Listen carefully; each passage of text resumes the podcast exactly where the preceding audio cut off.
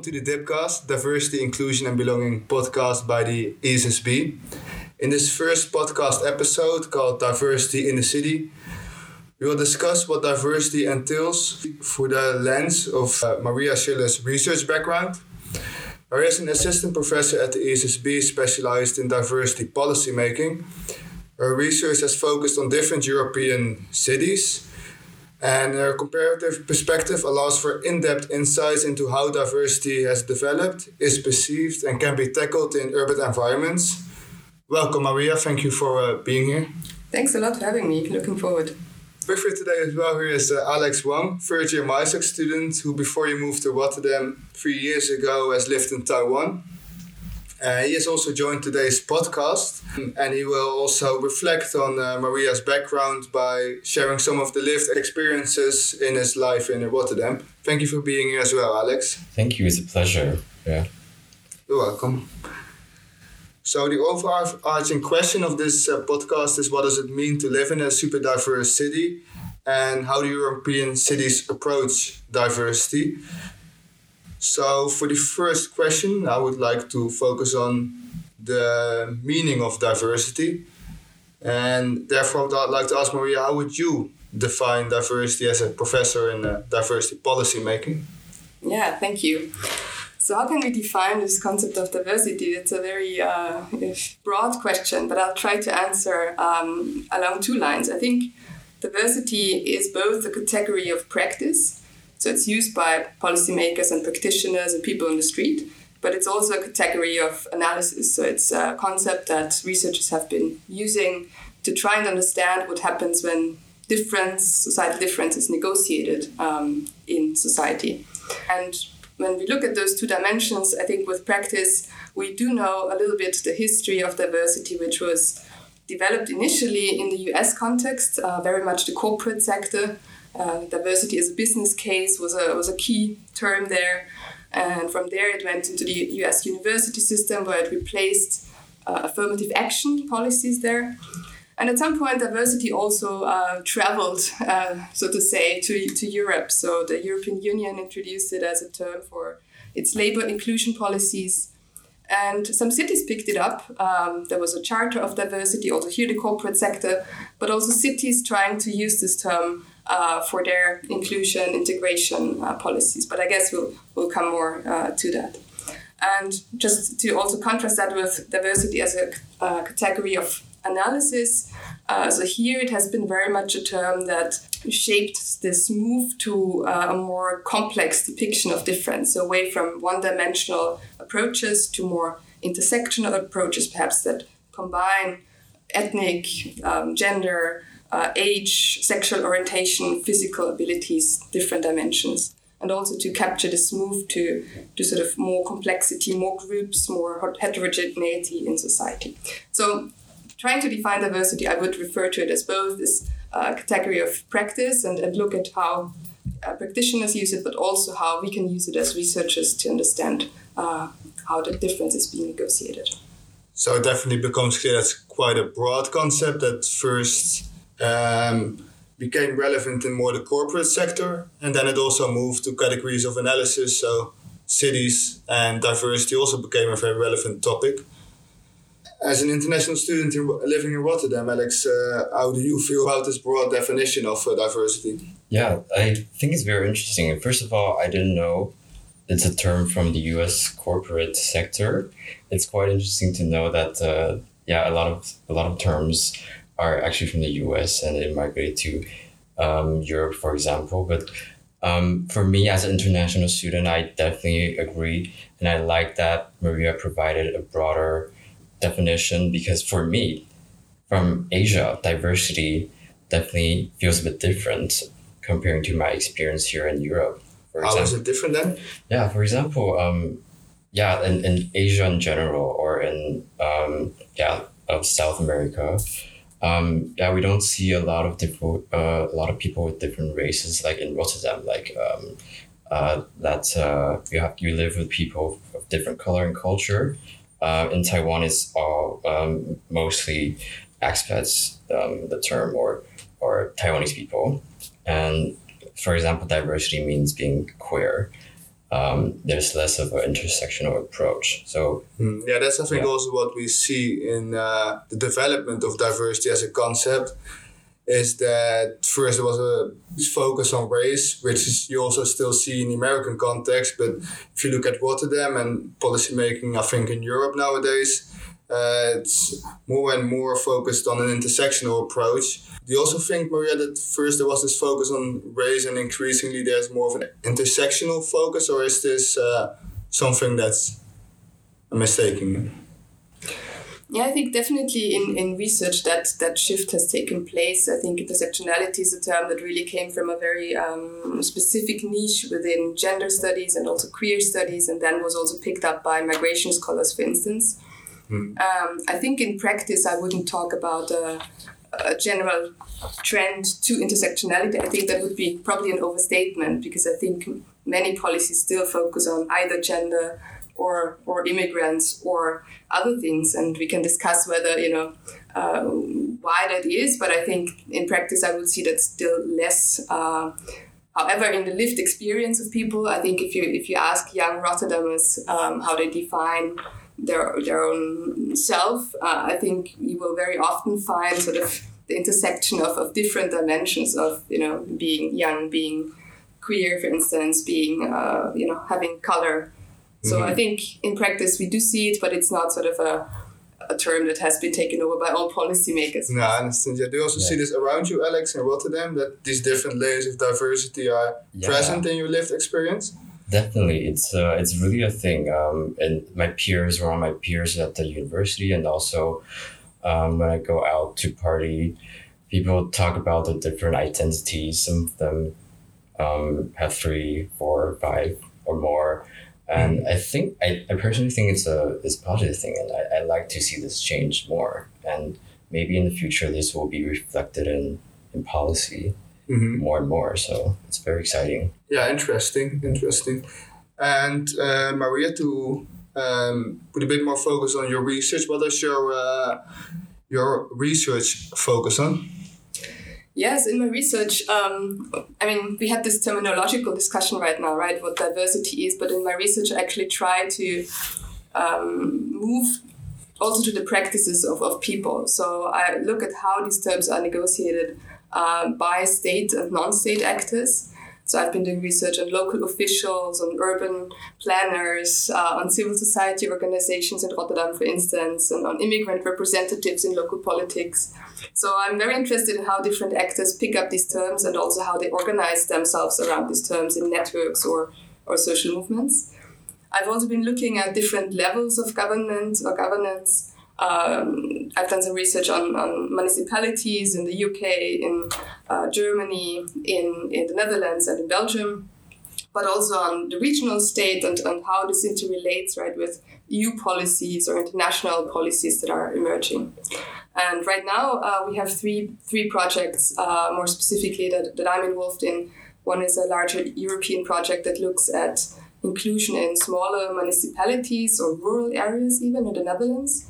Um, then we have a project that uh, we already mentioned, which is on Rotterdam uh, and about civil society organizations organizing around inclusion and, and diversity terminologies. Uh, and there is this project with, with Municipality of Rotterdam and Radar, where we look really at anti discrimination, anti racism policies that emerged more recently. So there are several projects also that focus on Rotterdam and its uh, diversity. And I think also in the projects that you're doing, you can also see that diversity is context dependent uh, to some uh, to some extent at least. Are there any differences you see when you're researching diversity in rural areas or diversity in uh, the urban areas such as Rotterdam, or do you see a lot of similarities in the research approaches that you uh, taking there? Yeah, there are definitely differences. I think um, in rural and smaller areas, what we do see is, uh, first of all, that there is less experience with uh, dealing with these issues, right? Uh, oftentimes also less resources, less staff to deal with these issues.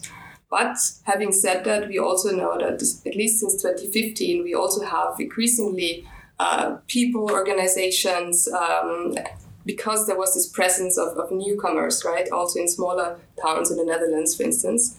So there's a, a quite lively debate and a lively trend, I think, to think about how to, to address these issues. But larger cities, I think, have, of course, more experience, uh, more staff, more resources to deal with these issues. So it's a bit of a longer standing debate here.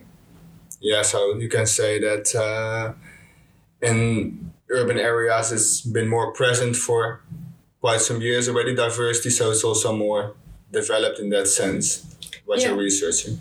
Yeah, so if you take Rotterdam, for instance, I mean, uh, Rotterdam has quite some experience dealing with these issues. Hmm. Uh, it has not been a, a, consistent journey, or you know, terms have been shifting. Yeah. But uh, Rotterdam definitely since the 70s or, or 80s, right? So we're speaking about decades here that uh, the city has been dealing with migration, for instance, um, in, in one way or the other.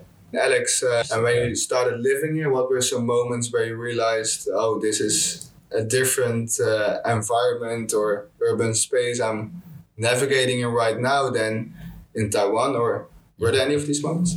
Definitely. I, I think it's the moment that I walk into um, different neighborhoods. For example, I walked the first time I, I had all my luggage just uh, walking from the central station and I, I passed through um, a bit of a Chinatown. I don't know if it's uh, fake or, yeah, exactly. And then uh, and then two streets later, I see a lot of uh, different store um, with uh, Arabian characters, and so that's the moment that I felt, wow, this is a very yeah diversity with so many different cultures. And yeah a lot of different culture together on a dense in a dense area in Rotterdam I think. Yeah exactly. Uh, so that's interesting to see but I think also interesting to uh, research uh, Maria, what can you say? I think you, already slightly mentioned it, but what can you say about uh, European cities and the way they tackle diversity, and maybe also specifically about Rotterdam? Yeah, I think European cities have, have at least larger cities uh, often have realized by now that you know this, this lived experience of diversity is something that you know citizens and, and residents have um, so it, it definitely has, I think, arrived in also the minds and the, the perception of, of policymakers. I mean, diversity has been used on the one hand as a buzzword, uh, very opportunistically, I think, also by cities using it to replace a term of multicultural policies, which uh, came out of fashion or was discarded at a certain point.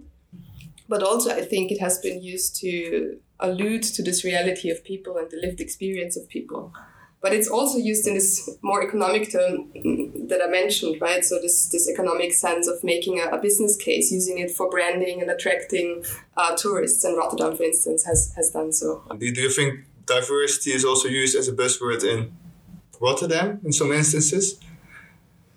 Well, I think if you look at the uh, at the current um, policy on, on integration of immigrants, which is called Relax uh, Dit is Rotterdam, uh, living in a city where everyone is in the minority. The term of diversity does come up, right? And, and it's, it's picked up as a, as a policy term. Um, so I think, yeah, there it is used as a buzzword, but also it has been used to shift from a more um, sort of restrictive approach, right? The previous policy was about contribution of immigrants and, and uh, sort of how immigrants themselves can be self-responsible so I think it can be used in, in different ways by cities. Uh, and this buzzword, it definitely is a buzzword, but even there, cities have a bit of leeway they use it more in this economic sense, or maybe also in a sociocultural uh, sense of the word. So you do say that there has been a change in how Rotterdam approaches diversity in its policies um, since the uh, program Relax This is Rotterdam has been published, or was this a turning point or what do you think has changed over the years in Rotterdam? Yeah, I think that program, Relax is Rotterdam, was a turning point. It also fell together with a shift in the coalition, right? So Rotterdam has been ruled by a more right wing coalition before. Um, and, and it was sort of a, a, political shift as well that also, I think, um, yeah, was then also in, in this shift of policy. Mm. And since then, again, we see some shifts uh, in that after the Black Lives Matter protests uh, in 2020, in the summer, uh, again, the city has introduced um, anti-racism, anti-discrimination policy, where I think maybe this was diversity was complemented with anti-racism as an idea and a notion. those were some interesting events happening in uh, Rotterdam and the Netherlands, I think as an uh, Asian student living in uh, in Rotterdam, Alex, do you feel um, after these events happening in Rotterdam, anything has changed, at least from your experience, um, by going out to different places where you meet lots of different people, for example? Yeah, definitely. I, I really see a change recent recently. I actually I, I moved here three years ago, so I, I haven't been here for that long, but um, that was the year that the BLM movement happened, and I see so many people around me really um, starting to care about um, this topic and racial justice. And I see so many protests every weekend, not just on BLM, but also other, for example, anti-fascism, other kinds of protests happening very, very frequently. And it's inspired me for me to, to see this and um, this it, it, links to every um, aspect of our life. Um, like what Maria said, um, um, either it's corporate, either it's uh, political. It's still inspiring to see that. Um, yeah, for sure. Yeah. Also, the mobilization I think in the city around this topic is uh, already interesting to see. But what is also interesting is that actually these these protests again traveled from America to here, while the diversity in this context also differs from the diversity in um, America. Um, do you resonate with this observation, Maria, or not really?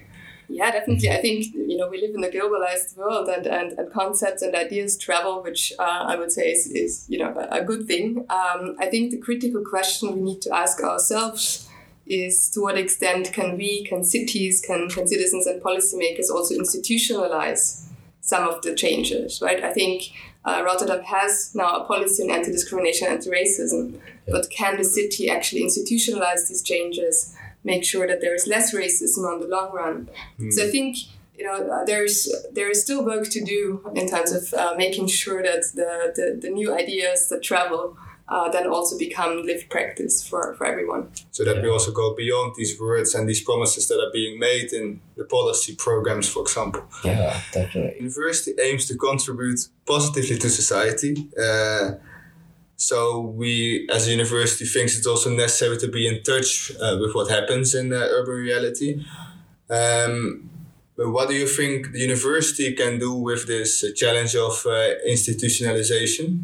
I work a lot in the the topic of DNI at the university in policy and also research with Maria.